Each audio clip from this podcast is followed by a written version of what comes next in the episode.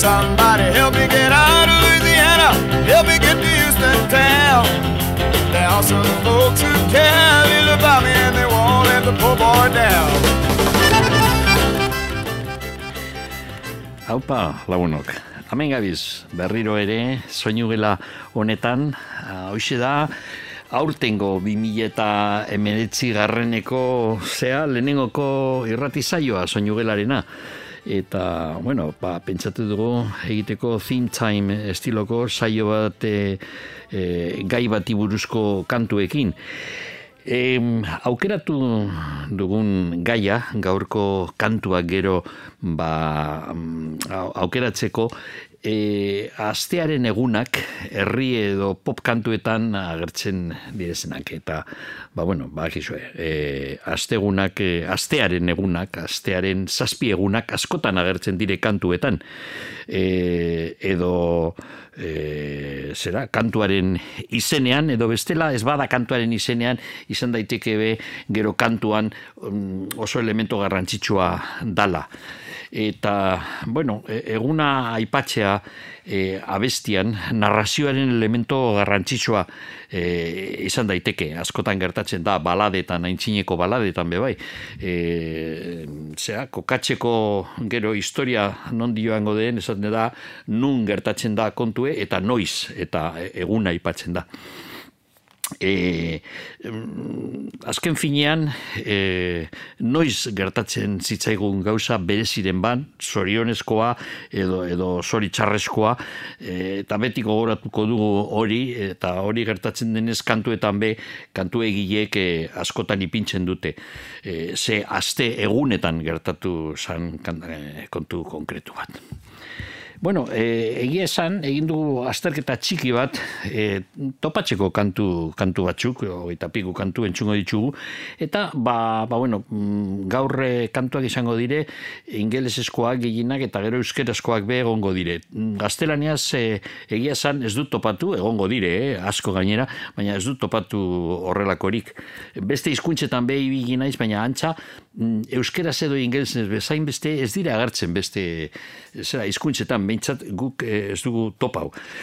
E, eta zein da e, gehien eta agertzen den eguna, ba igandea da segurazki egunik eta aipatuena, eguna eta aipatuena. Gero larun bat eta ostirala be nahiko agertzen dire eta astelena, astelena asko agertzen da. E, askotan agertzen da astelena, astelena gure gure kultura honetan e, egun madarikatua da, nola bait. E, gu daukagu egun batzuk direzera lan egunak eta beste batzuk direzela gehien entzokat, gehien entzak, e, zera, bueno, ba, deskantzatzeko egunak edo opor egunak. Eta astelena da normalean, ba, libre izateko beste egun pare bat ostean, lehenengoko eguna, beraz, hor datoz e, e, enroio txarra, gero astelenean, asten da astea, ostiralean bukatzen da, e, lan aste hori, jente gehien entzakoa, eta ba, hori agertzen da inbeste kantuetan. E, Gero, aste artea, aste azkena eta osteguna dire, askoz gitxiago agertzen direzen egunak e, kantuetan.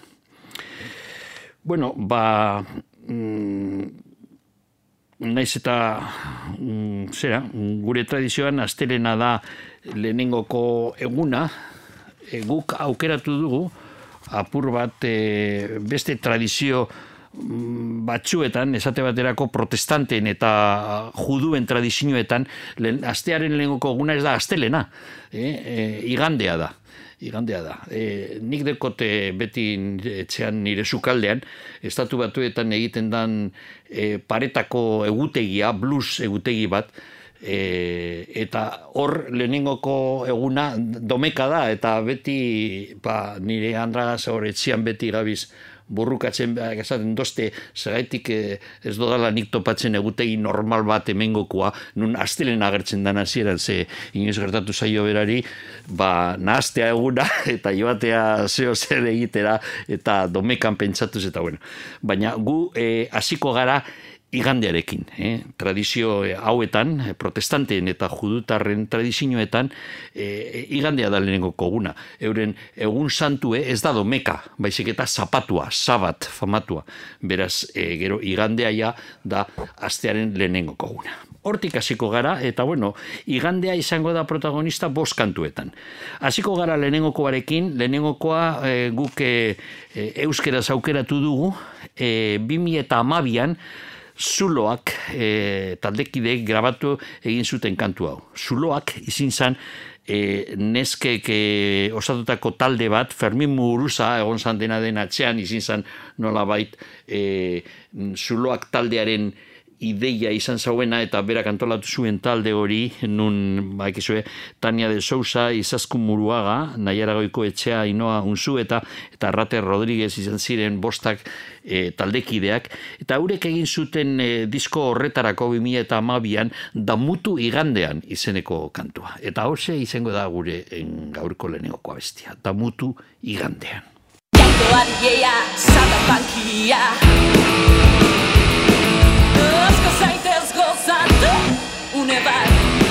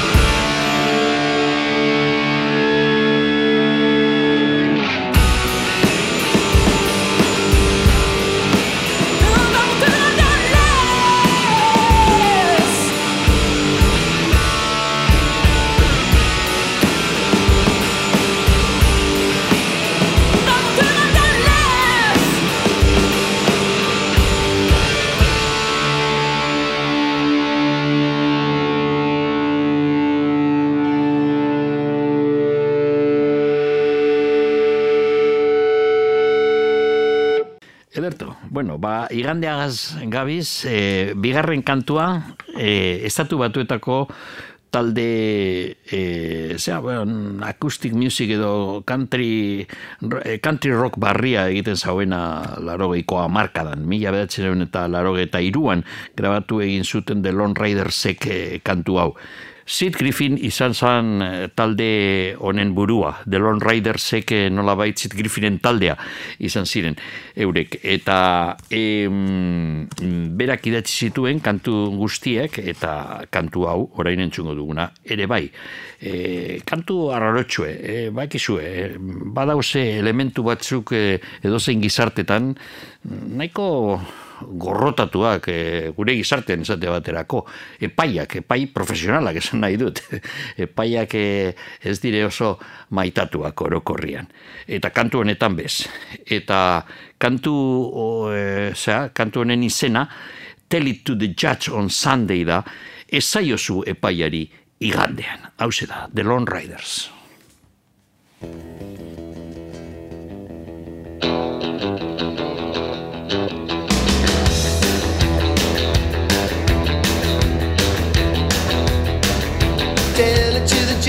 Sunday.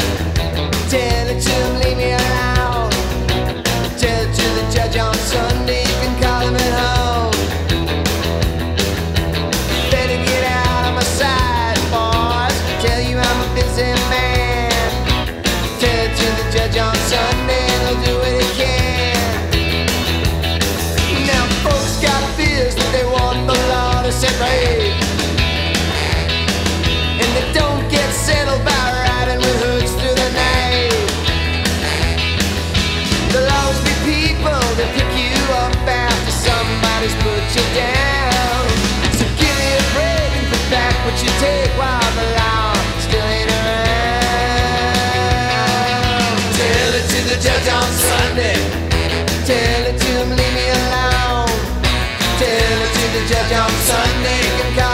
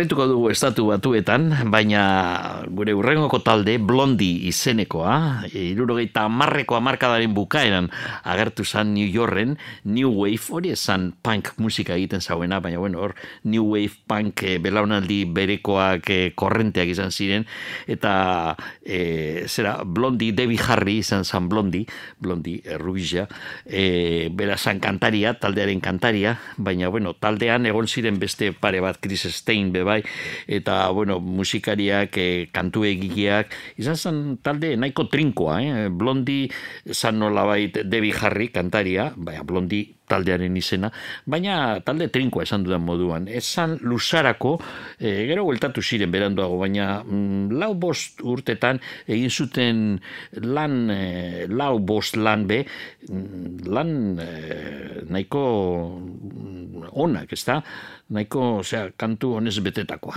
E, ja, euren ibilbidearen bukaerako, e, mila eta irurogeta mazortzian, egin zuten orain entzungo dugun kantua. E, Hau da, igandeko neskatila, Sunday Girl.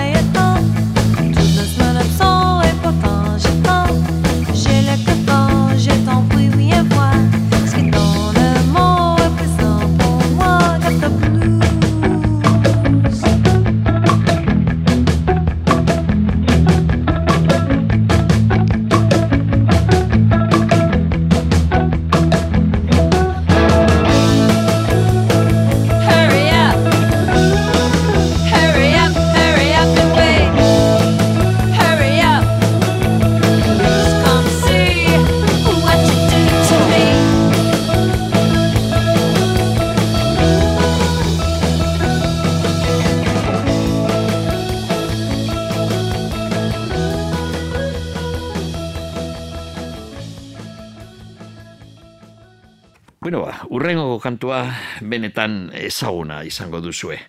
Irlandan badago talde haundi bat, e, talde oso ezaguna, e, haundi ez dut e, esango ezer taldearen kalitateaz, gaur egun nik uste dut. Hasieran e, Jubi da talde hori, Jubi, e, edo U2 ingelesez, e, izan zan talde bat e, hasi zan oso, oso ongi, lehenengoko bi irudizkak izan ziren onenak, lehenengoko biak kriston lanak izan ziren, oso gazteak ziren bono eta bere lagunak, dietx eta laurok eta oso gazteak ziren eta egiten zuten benetazko musika eh, oso kementsua, pasio handikoa. Gero denboraz eh, nik uste dute egin zuten lanak gero eta apur bat eskasauak eta gaur egun arte. Baina kantu hau mila bedatxeron eta laro iruan eh, kaleratu egin zuten, oso kantu famatua ezagunetarikoa euren ibilbidean. Sunday, Bloody Sunday, eh? igandea, igande odoltsue. Nondik dator eh, kantu honetan eh, kontatzen den historia? Ba bueno, mm, igande bat eh, gertatu zen hau dana, Irlandako derrin irian izan zan urtarriaren hogeita amarrean mila bederatzireun eta irurogeita amabian. Hori izin zan Sunday Bloody Sunday. Hor, e, eskubide zibilen aldeko e, manifestazioa undia e, e, egon zan, e, batez ere republikanoek e, antolatutakoa, ez bakarrik e, eurek, baina eurek buruak izan ziren, eta Inglaterrako armadak e, manifestazioaren kontra e, egin zuten borruka tiroka. Naiz gogoratzen orain zenbat pertsona hil ziren egun hartan, baina sarraski ederra benetan egin zuten e, Inglaterrako soldaduek derrin irian. E, kantu honetan, mm, jubikoak nola baita e, ulertu behar da Irlandako realitatea, eurek errepublikakoak e, dire, e, eirekoak, dublingoak, Baina, bono, gutxienez, e, bere familia, zera, tradizioa, euren tradizioa esan protestanteak, eurek ziren katolikoak, errepublikan eiren gehiena katolikoak dire, baina ez bono. Beraz, bueno, ba, euren e, deklarazioetan, euren kantuetan, inoiz ez dire gauzak e, politikoki oso zuzenak izan Irlandako kontuari buruz, baina nola bai Sunday, Blood Sunday, agertu behar zan kantu batean eta kantu honetan e, agertzen da agertzen da mm, nolabait e, historia hori zeharkatzen dute. Ez da, e, ez da zuzena, e, irakurketa eurek egiten dutena, gertatu sanarena, baina bada, ba, bai agertzen dala, eta e, kantuaren izenean esate baterako. Sunday, Bloody Sunday.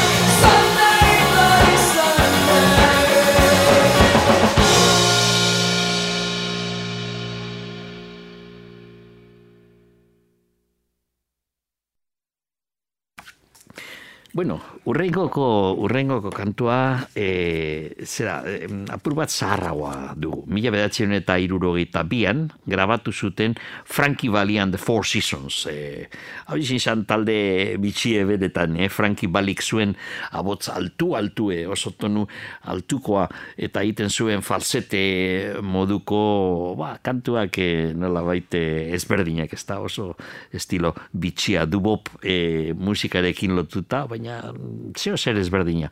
E, entxungo dugun kantua, Never on Sunday, inoz ez e, igandean, e, bueno, hause dekordetz e, izeneko beste talde batek e, neskaz bedetakoa, neskak e, bedetakoa, e, e, grabatu zuten aurretik. Baina Frankie Valli eta The Four Seasons e, taldearen berzioa askoz ezagunagoa egin zan. Eta, bueno, kantu honetan, e, astearen hainbeste egun aipatzen dire, eta gero azken azkenean e, igandea be e, amengoko protagonistak esaten dau e, e, esaten dio neskak mutilari emoidazu musua edozein egunetan baina igandean onena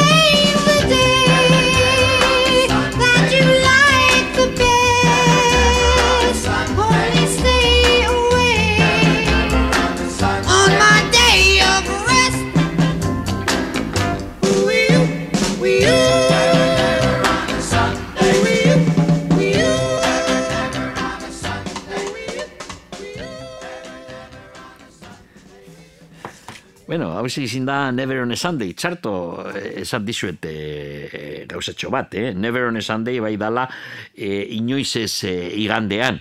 E, bueno, kantu honetan esaten dau e, lehenengoko berzinoan neska batek kantatzen zauen, hemen Franki Balik egiten dau falsete ahotxagaz eta esaten dau e, e, emoidazu, emon aldoztezu musue e, astelenean, astelenean oso egunona da, gero esaten dau bai aste artean, e, aste azkenean eta, eta ostegunean, baita e, barikuan eta zapatuan onena. Baina gero esaten dau, baina inoiz ez igandean, igandean musurik ez, igandean deskantzatzeko eguna dalako.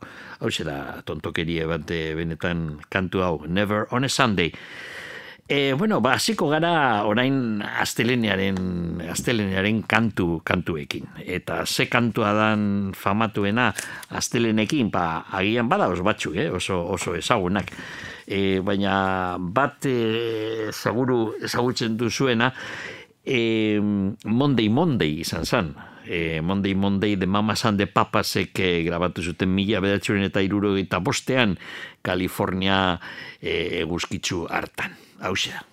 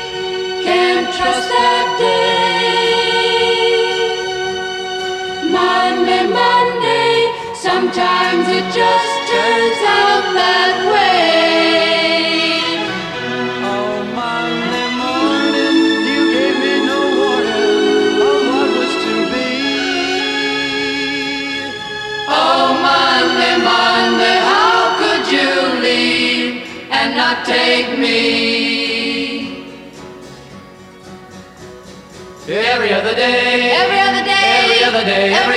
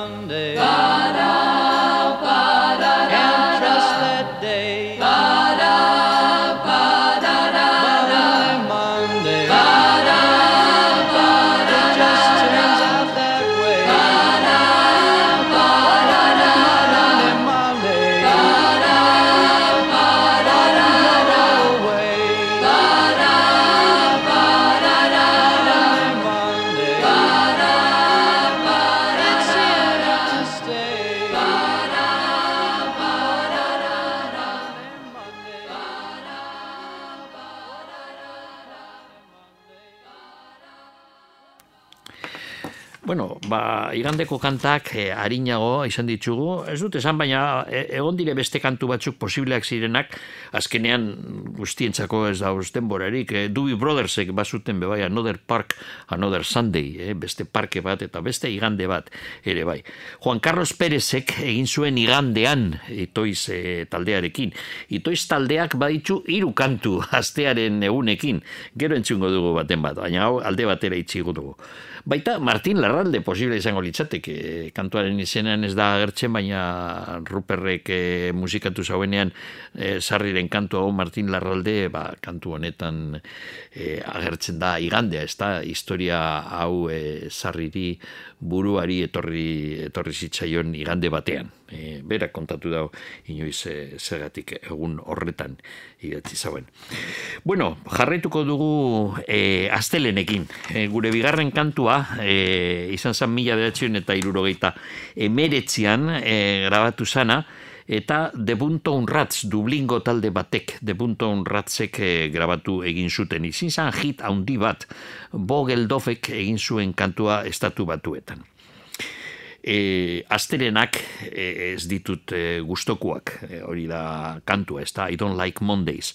Eta dago oinarritute e, Kalifornian gertatu zan e, zera historia batean e, gertakizun batean. Urte hartan mila eta iruro eta bederatzean urtarriaren hogeita bederatzean e, ze Kaliforniako San Diego irian e, zera, tragedia bat gertatu zen. Estatu batuetan tragedia e, estilonetakoak asko urtero dauz e, batzuk. Hau gertatu zen Groover Cleveland Elementary School batian, beraz e, derrigorrezko bigarren eskuntzako institutu batean, e, high school batean gertatu zen e, amazazpi urteko neskatila, hori da arraruena, ze normalean mutilek dire horrelako astokeriak egiten dituztenak, baina kasu honetan neskatila bat izan zen, Brenda Ann Spencer izenekoa, amasei urtekoa, esan dudan moduan, e, joan zan bere, bere eskolara, eta bere aitak oparitu zion, e, zera, mm, e, rifle e, erdi automatiko bategaz, eta, boro, sarraskitxo bat egin zuen, eh? bi e, nagusi hil zituen, gero e, sortxiume zaurituak, eta polizia bat joan zana eskolara gero, be zauritu egin zuen berak. Eta bueno, ba, Bogeldovek ikusi zauen e, Kalifornian zegoen, e, garai hartan ikusi zauen e, teletipo bat agertzen zan hor e, elkarrizketa bat, e, berari egindakoa atxilotu zutenean, galdetu zioten, e, zergaitik e, egin duzu horrelakorik, hori da lehenengoko galdera, ez da, norbaitek egiten ba horrelako astokeriaren bat, eta zergaitik egin duzu. Eta neskatiak erantzun zion kasetariari, astelenak gustokoak ez ditudalako eta eguna ber revitalize the day eh? eguna revitalizatzeko eh? emoteko emozinorik emozino apurtxo bat eh, astelenari hori esan esan zauen eskatia horrek Ilabete bat beranduago e, e, kantua eginda zegoen eta irratietan e, Bogeldovek egin zuen kantua eta pentsatu zauen iziteko kantua single baten be aldea, baina azkenean kantua arrakastatxua bihurtu zan, batez be Europan, Irlandan eta e, Britania hondian. Estatu betuetan ezain beste. E, Spencer familia, e, neskatilaren familia, saiatu ziren kantua debekatzen baina arrakastarik ez zuten izan. Egia izan San Diego irian, bertako irratietan, kantua egon zan, e, zera, ipini barik e, irratietan urte asko, baina esan dugun moduan, e, ez bazan estatu batuetan arrakastatxua, baina Europan oso arrakastatxua bihurtu zan kantua. Eta kantu honetan esaten dago, estribi joan behin eta berriro, tell me why you don't like Mondays, ez aida zu zergaitik ez aizkizu gustatzen e, astelenak, ze berak neskatilak esan zauen, hau egin nuen zergaitik, ba, astelenak gustokoak ez ditu dalako. Hau da, I don't like Mondays.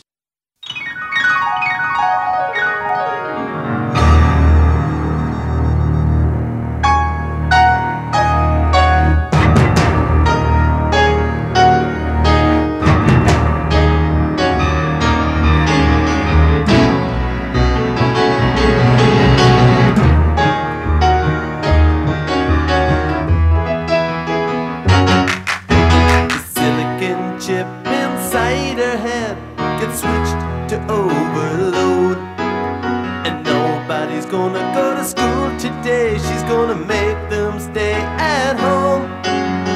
Daddy doesn't understand it. He always said she was good as gold.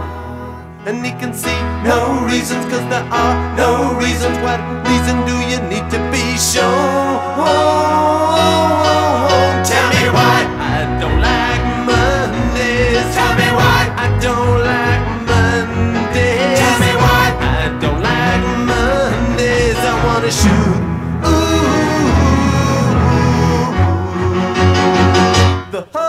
down.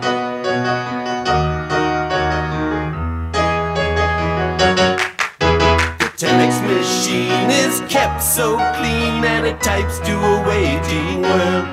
A mother feels so shocked, father's world is rocked, and the thoughts turn to their own little girl. Sweet 16, ain't that peachy keen? Now it ain't so neat to admit defeat. See no reasons, cause there are no reasons. What reasons do you need? Oh, oh, oh, oh. tell me why I don't like Mondays. Tell me why I don't like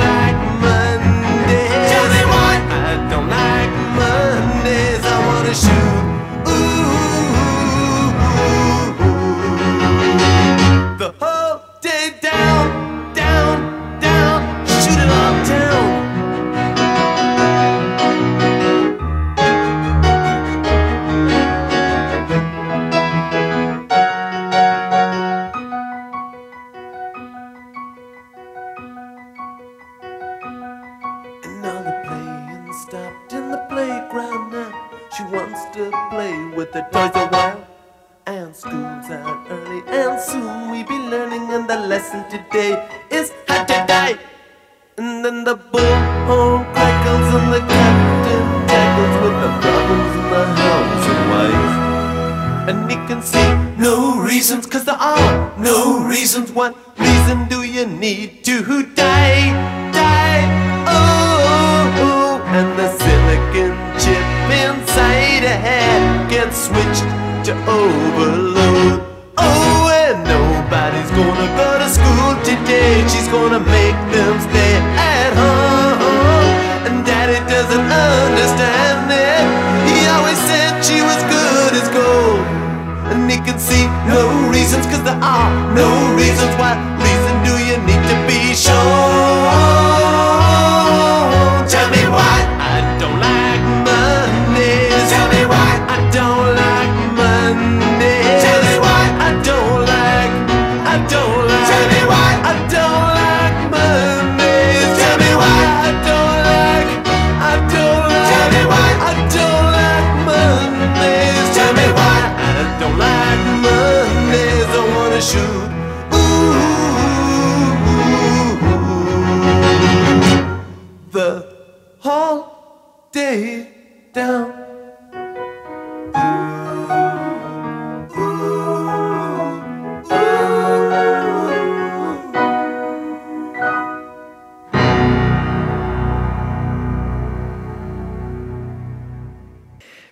Esan dugu Juan Carlos Pérezek eh, itoizen eh, buruak egin zuen eh, ez bat, ez bi, hiru kanta a- a- astearen egunekin.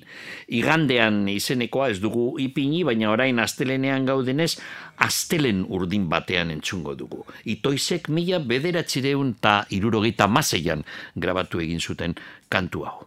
Itoiz.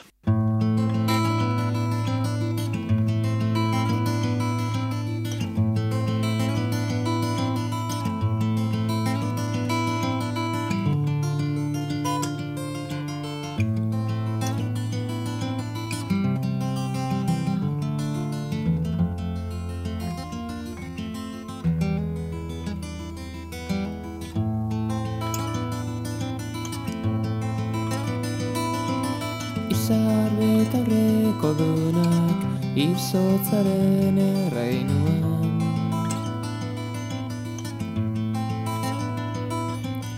Izar betaurreko dunak izotzaren erreinuan Zerura hoiu egiten dute. Semeek bilatzen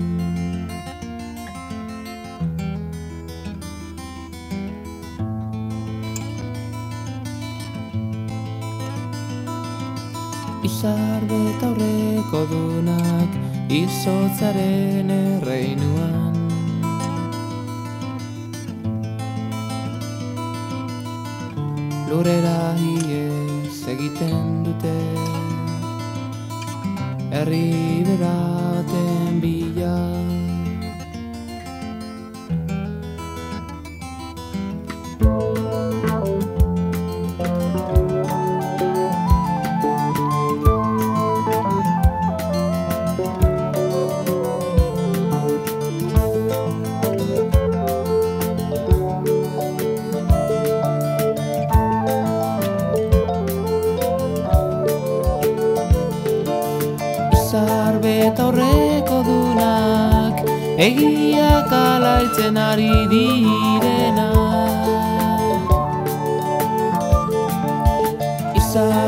eta aurreko dunak Egiak alaitzen ari direnak. Izar eta aurreko dunak Begitrebez Itxasoan hartzen dira Astelen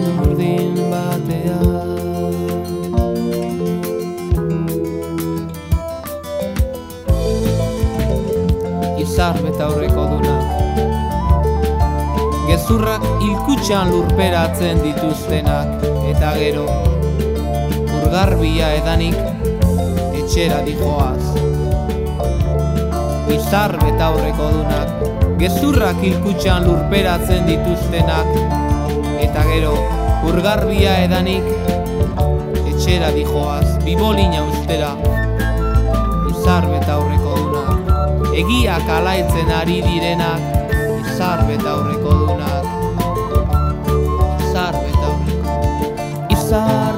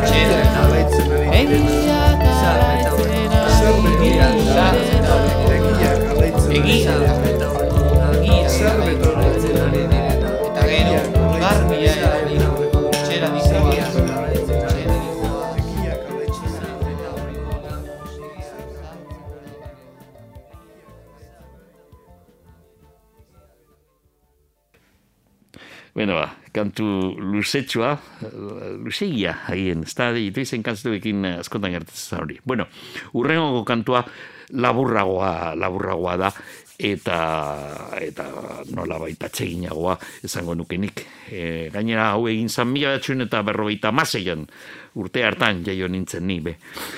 Fats Dominok, e, New Orleanseko Fats Dominok egin zuen e, kantu hau, e, Blue Monday, e, astelen urdine. Badago beste kantu bat izen berekoa, Blue Monday ere, Inglaterrako New Orderrek egin zauena. Baina guk, eta beste kantu bat da, ez da berzio bat, guk aukeratu dugu klasikoa, eh? Fats Dominonena, mila edatxun eta berrogeita masian grabatu zauena. Hemen be, egun guztiak aipatzen dire kantu honetan e, zea, lana hemen beharra ikusten da nolabait bizitzaren madarikazio moduan eta egun guztiak aipatzen dire, eh? Gero ailegatzen da barikua, eta barikoan a- ailegatzen da dirue. Barikoetan lehen e, soldata esan kobratzen hilero, kobratzen zan astero, kobratzen zan barikuero. Eta barikoen dirua ailegatzen da, eta diruagaz zapatuan moskorraldia. Eta gero igandean, igandean kriston atxurre. Hori da kantu honetan Fats Domino kontatzen diguna. Ez dire gauzak aldatu asko, orain ez da kobratzen barikuero, baina bestea ez da aldatu hainbeste. Blue Monday. Blue Monday, how I hate Blue Monday.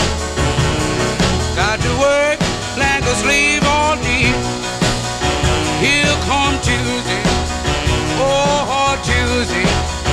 I'm so tired, got no time to play. Here come Wednesday, I'm beat to my side. My gal called, got to tell her that I'm out.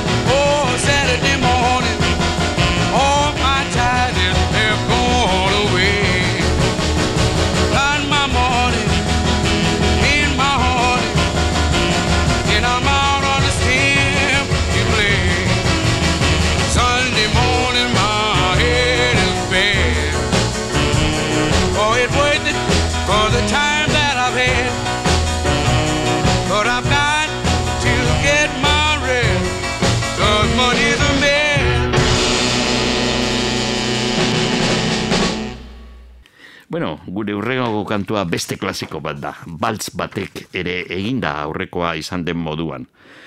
Tibon Walker, bluesmanak e, egin zuen kantu hau. Tibon Walker izan zen kriston gitar jolea, gitarra elektrikoa ere, e, erabili zuen lehenengoko bluesmana. Texaseskoa, Texaskoa zan e, Tibon Walker. Eta berak e, egin zuen, grabatu egin zuen mila bedatzen eta berroita zazpian, orain entzungo dugun kantua, Call It Stormy Monday, kantu honetan berriro ere, aurrekoarekin oso lotuta dago.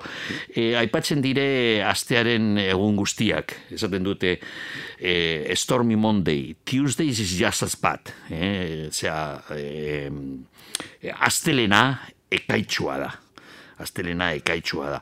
Eta martitzena, astelena bezaintzarra. Asteazkena, txarrena. Eta osteguna, egun tristea, be.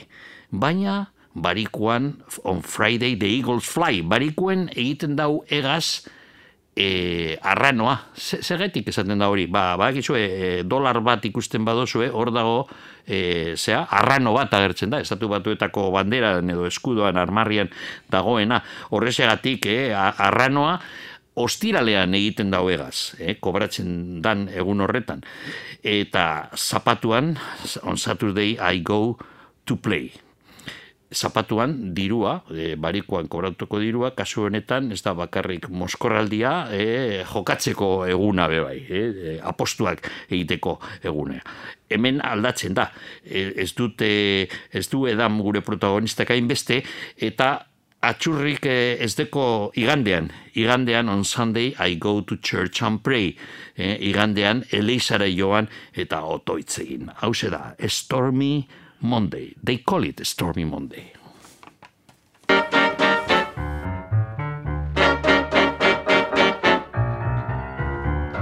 They call it Stormy Monday, but Tuesday's just as bad.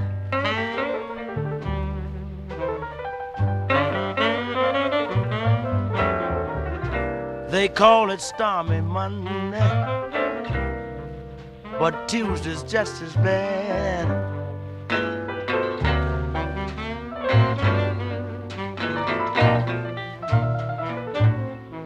Wednesday's worse,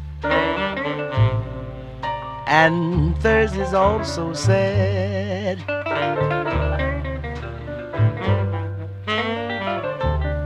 Yes, the eagle flies on Friday, and Saturday I go out to play.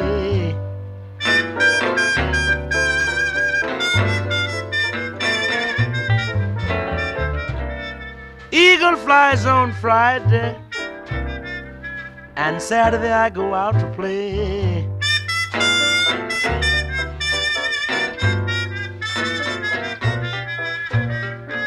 Sunday I go to church, then I kneel down and pray.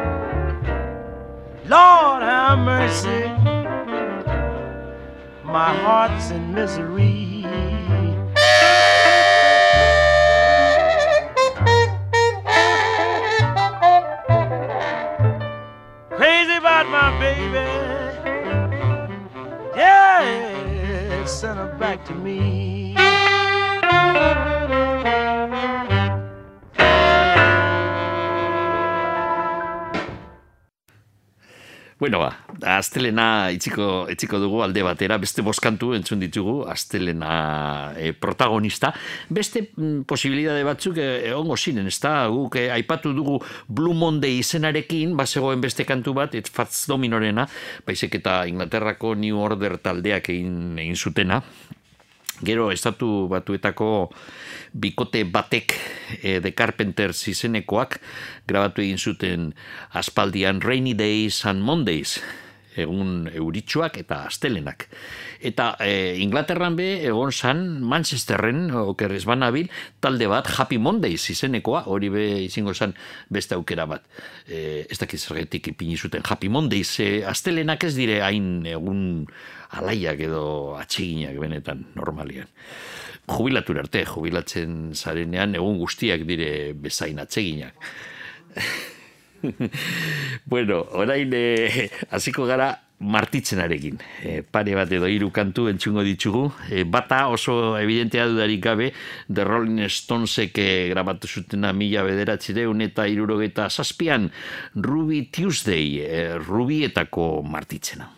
She would never say where she came from. Yesterday don't matter if it's gone. While the sun is bright, or in the darkest night, no one knows. She comes and goes.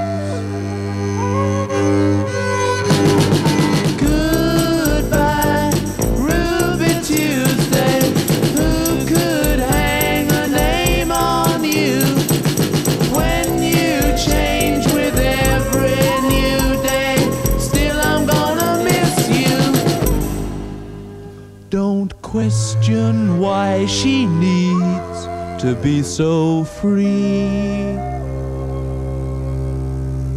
She'll tell you it's the only way to be. She just can't be chained to a life where nothing's gained and nothing's lost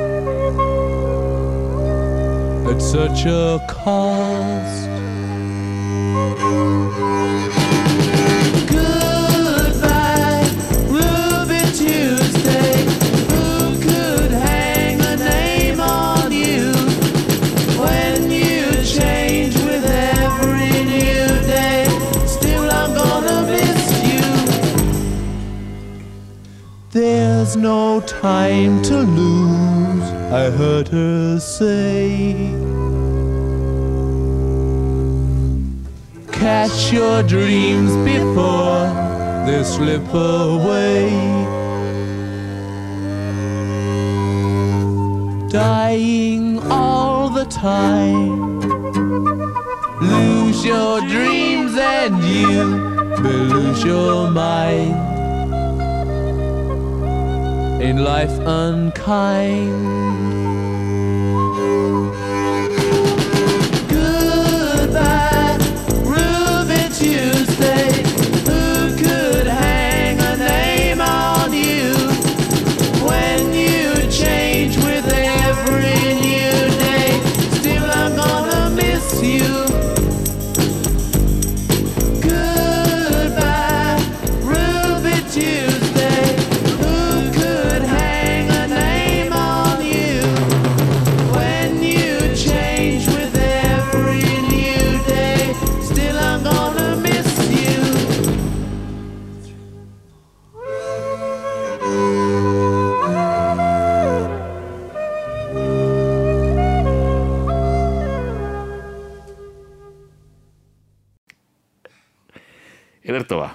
Irlandan berriro ere. Beitu, hau da irugarren kantua, eh, Irlandakoa. Eh, esan dugu U2, izan dugu eh, The Boomtown Rats, eta orain The Pogues.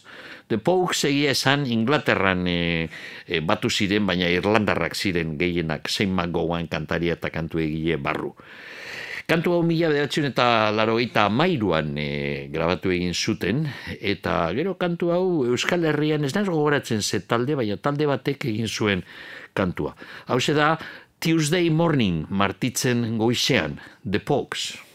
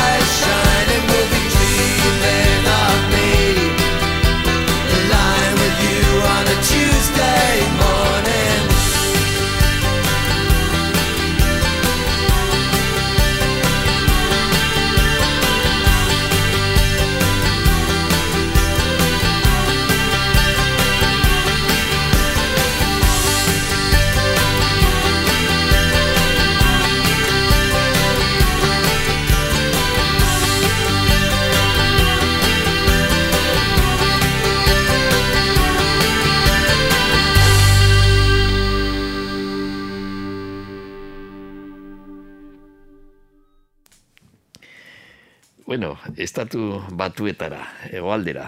E, talde, talde hau nik uste dut e, Floridan sortu zen, e, Tom Petty eta The Heartbreakers moduan, baina eurek egiten zuten rock beste estilokoa, egoaldeko rockaren e, eskolakoak ziren, Liner Skinner, Liner Skinner, e, edo Liner Skinner, hobeto esan da. E, Liner Skinner e, grabatu zuten mila bedatzen eta irurogeita amairuan Tuesday is Gone, eh, martitzena joan da.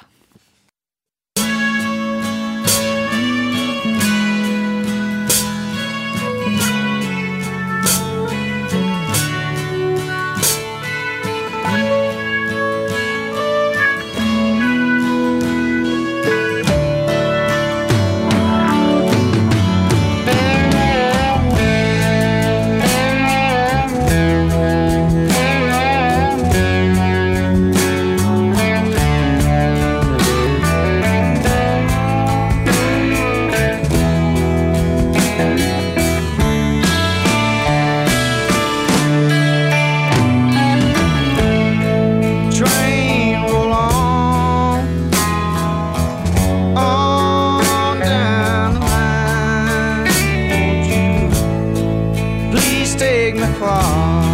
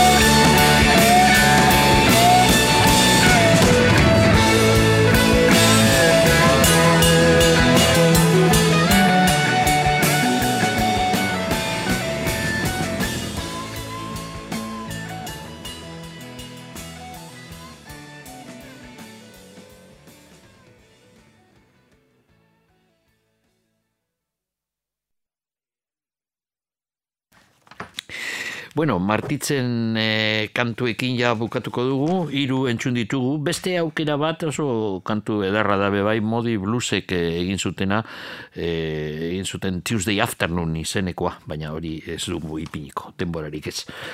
Aste azkenean e, kantu bakarra entzungo dugu, Ash Wednesday, errautz, e, zea, e, eguaztenean. E, Elvis Perkinsek e, egin zuen 2000 eta zazpian kantu hau, badakizu, e, badakizue, mm, zera, garizumaren e, aurrean, hor dago e, asteazken bat, esaten da, errautze, errautzen asteazkena, eta izen hori aukeratu zuen Elvis Perkinsek, zergaitik, ba, bueno, ba, mm, hori zen zan bere lehenengoko diskoa, bere debuta. Eta e, disko hori erdi grabatuta zuenean, sei kantu ja eginda zituen, eta beste sei kantu egin zuen, eta mm, erdian, gertatu zitzaion berari, tragedia bat, bere ama hil zan eta hortik etorri zan e, izena, ez da, e, errautzak, e, ama hilzalako, errautzek e, asteazkena, asteazken batean e, hil zan. Izan zan, iraiaren amabiren bat, eta urte batzuk harinago, mila bederatzen eta laro eta amabian, bere aita be, e, iesaren ondorioz hil zan, iraiaren amabi batian. Eta bere aita oso aktora handia zan, e, Perkins e, izena, Elvis Perkins da kantaria, baina Anthony Perkins e, zera antzesle handia Hollywooden psikosis, e, Hitchcocken psikosis pelikularen protagonista, hori izin zan bere aita Elvis Perkinsena. Bueno, entzungo dugu kantu hau, kantu tragikoa dudarik gabe. Ash Wednesday, Elvis Perkinsena.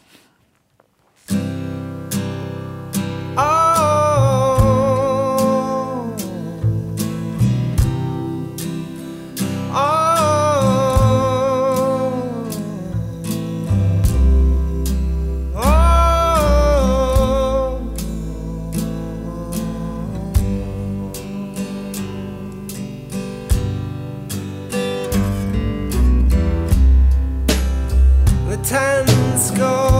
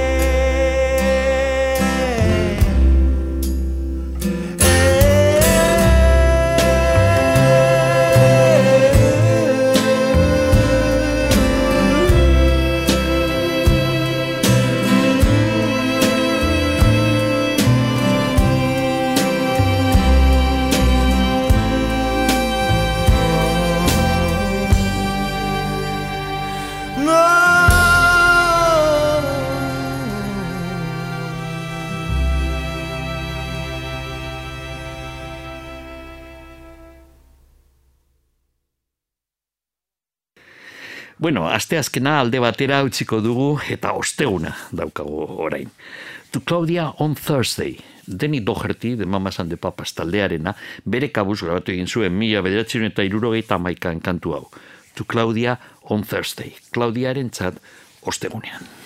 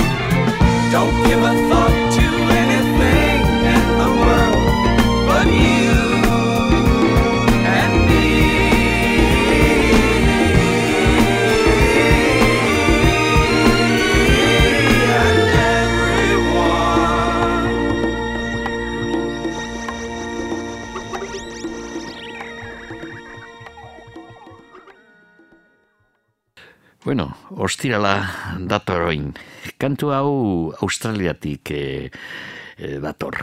Eh, Friday on my mind izenekoa. Eh, George Young eta Henry Van Dyke egin zuten kantua. George Young, bueno, bere nahi gazteak egin zuten talde bat askoz ezagunagoa George Youngena baino. ACDC. ACDC izin zan Young anaien, eh, anai gazteen eh, taldea.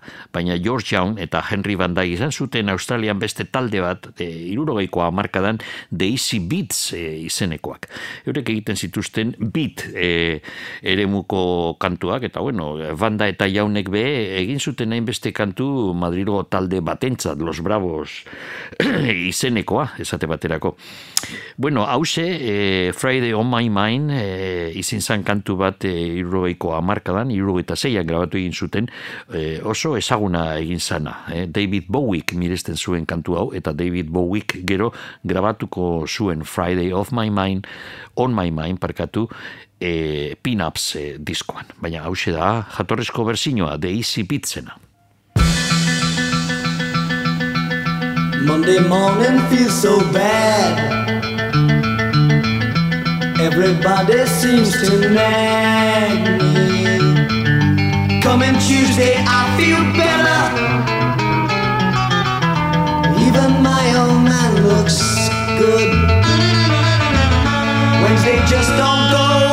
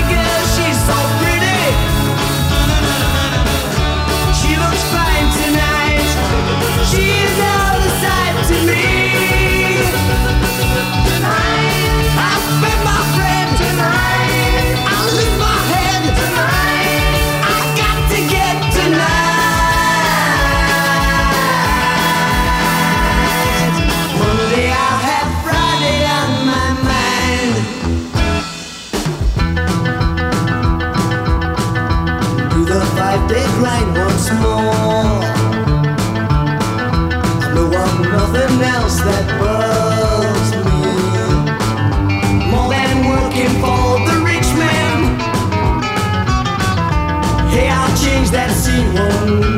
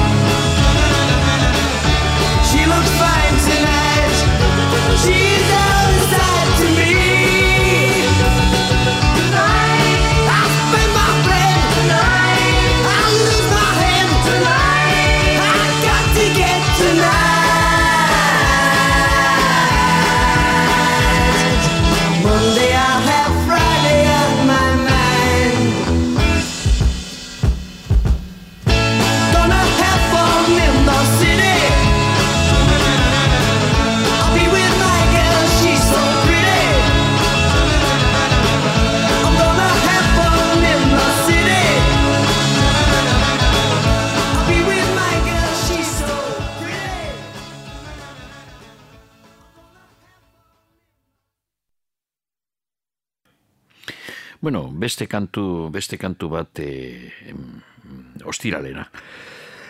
E, Estilidan e, taldeak egin zuten e, Black Friday izeneko kantua mila bedatzen eta irurogeita amabostean. Eta pentsatuko duzu, ah, Black Friday, badakizu, e, egun hori non e, gauzak e, erosten dibe, erosten dire masiboki dago lako sukar kontsumismoaren sukarra eta ba, ez dauka eser ikusirik horrekin, eh? hori sortu da ez hainbeste denbora, eh? estatu batuetan e, kapitalismo kasmatutako ba, beste truko bat, ez da, hor Thanksgiving Day, da estatu batuetan jairik eta ondizena, e, gabonak baino asko handiagoa Thanksgiving, eta Thanksgiving Day da ostegun bat. Eta e, urrengoko ostirala hori da Black Friday estatu batuetan. Baina, E, kantu honetan, e, estilidan taldeak e, e, kontatu zutena kantu honetan ez dauka eser ikusirik horrekin. Hau izen zan, e, kapitalismoarekin lotuta, be bai. Kapitalismoan beti dauz e, krisiak, ez da? Krisia, finantziazko krisi, krisi larriak, eta bat izan zan estatu batuetan mila, sortxireun eta irurogeita bederatzean, e, iraiaren hogeita lauan, hain zuzen, gertatu zan, horko, zera, merkatu, merkatuetan, e, purtsetan, e, e, krisialdi handi bat egon zan eta jendeak hasi zan erosten e, urrea. E, eta gobernuak egin zutena egun e, horretan izin zan jarri salgai lau milioi dolar e, urre e, eta holan kontrolatzen zuten prezioa urrearen e, zera, salneurria esan gorantzioan eta e, dirutza inbertitu zutena horretaz e, kontoratu ziren bapatean urrearen prezioa bajatu zala berehala. Eta hortik dator Black Friday ostiral baltze izen hori. Horretaz doa gure kantua. Thank you.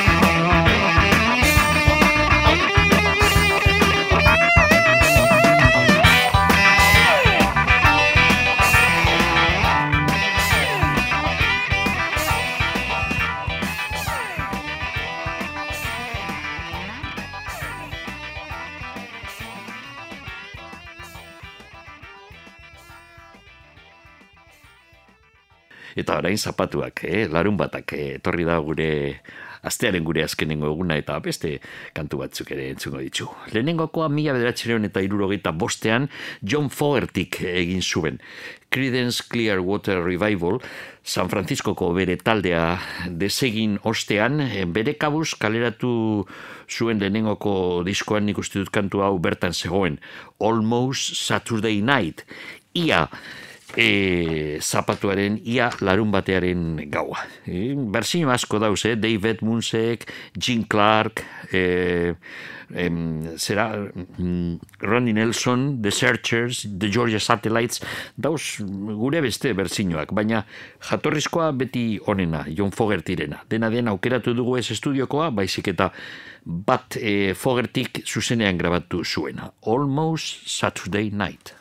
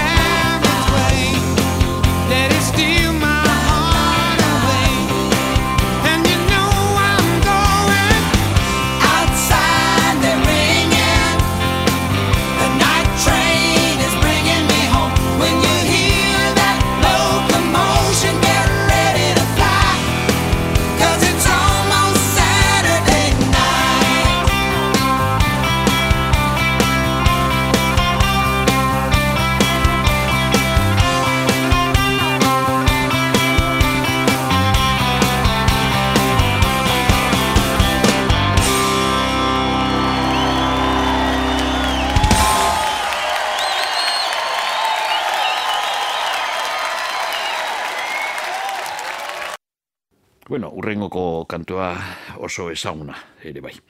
Elton Johnek mila bederatzireun eta irurogeta mairuan egin zuen, grabatu egin zuen kantua.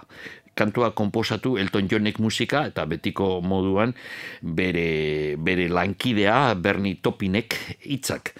Saturday Night is Alright for Fighting, Goodbye Yellow Brick Road, eh, LP bikoitz famatu hartan agertzen zen. Disko horretan Funeral for a Friend, Bernie and the Jets, bueno, kantu asko onak Jamaica Jerkoff, eta diskoaren ia bukaeran zegoen hor erdi izkutatuta Saturday Night is Alright for Fighting. E, larun bata, larun bata gauez borrokatzeko aproposa.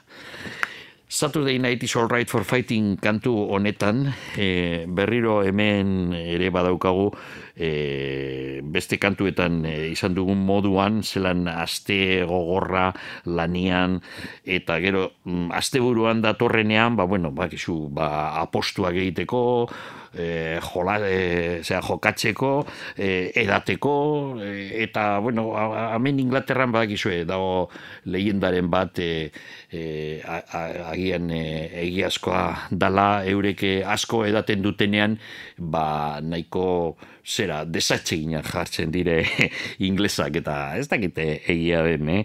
baina kantu honetan horrelako zeo zer e, e, da. E, horrezegatik, zatu dena it's all right for fighting, edan pitxin bat eta gero burruka on bat, e, hori dino Elton Johnek.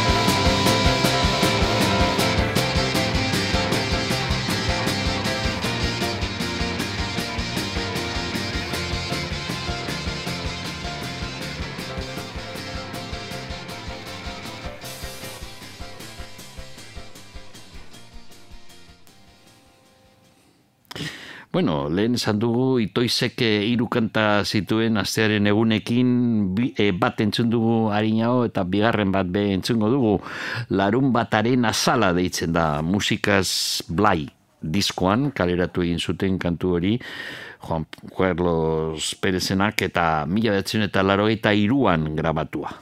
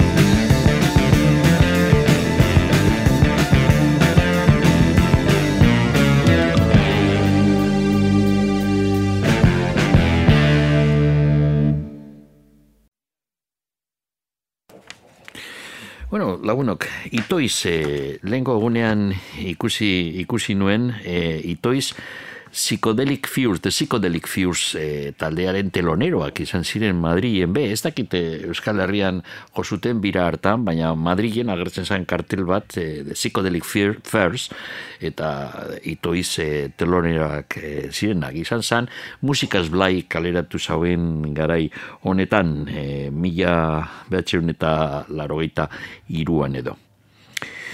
Bueno, urrengoko, urrengoko kantua The Cure taldearena da. E, The Cure, e, Smithen taldea, hasieran, mm, hause kantua entzungo duguna mila bedatzen eta irurogeita emeretzian egindakoa dugu, hasieran izan zan talde nahiko ezberdina, gero aldatu ziren, gero eta goibelagoak, gero eta goibelagoak, azkenean The Cure nahiko, nire ustez, entzune zinak bihurtu ziren. Baina hasiera honetan oso eh, talde gozagarria benetan, The Cure. Eta kantu hau, izan zan hit bat benetan, 10-15 Saturday Night. Zapatuan gauez, amarrak eta laurtenetan.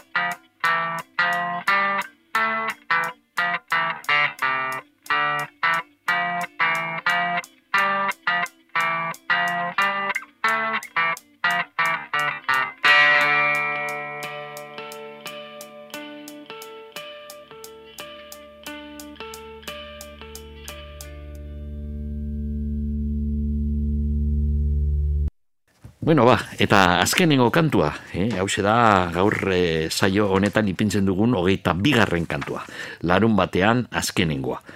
Hau da eh, The Drifters taldeak egin zauena mila behatzen eta irurogeita bian, Rhythm and Blues eh, esparru horretan The Drifters izan ziren oso arrakastatxoak irurogeiko amarkadaren hasieran. Eurek egin zuten eh, kantu hau, Saturday Night at the Movies, eh? zapatuan gauez eh, zinematokian.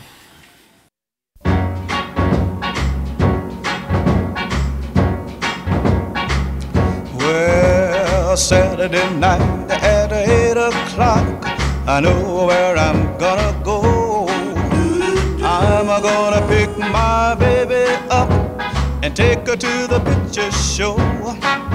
Everybody in the neighborhood is dressing up to be there too. And we're gonna have a ball just like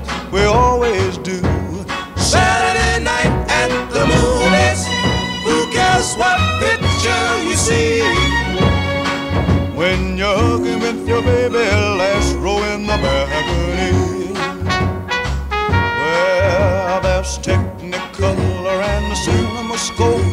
A cast out of Hollywood And the popcorn from the candy stand Makes it all seem twice as good There's always lots of pretty girls With figures they don't try to hide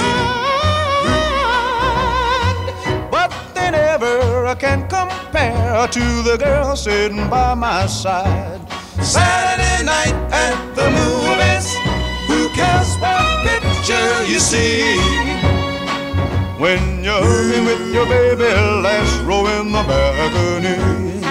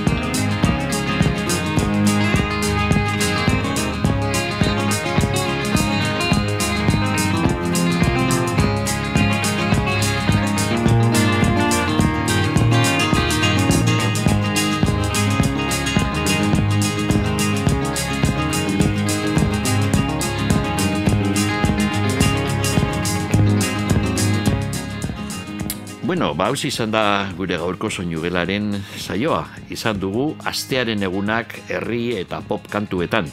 Hogeita bi kantu entzun ditugu guztire. Izan ditugun e, zea kantariek eta taldeak, e, Zuloak, The Lone Riders, Blondie, U2, Frankie Valli and the Four Seasons, The Mamas and the Papas, The Boomtown Rats Toys, bi aldiz, Fats Domino, T-Bone Walker, The Rolling Stones, The Pogues, Lynyrd Skinner, Elvis Perkins, Denny Doherty, The Easy Beats, Steely Dan, John Fogerty, Elton John, The Cure eta The Drifters. Hau izin da dena, gaurkoz, datorren asterarte, ondo ibili, eta agur.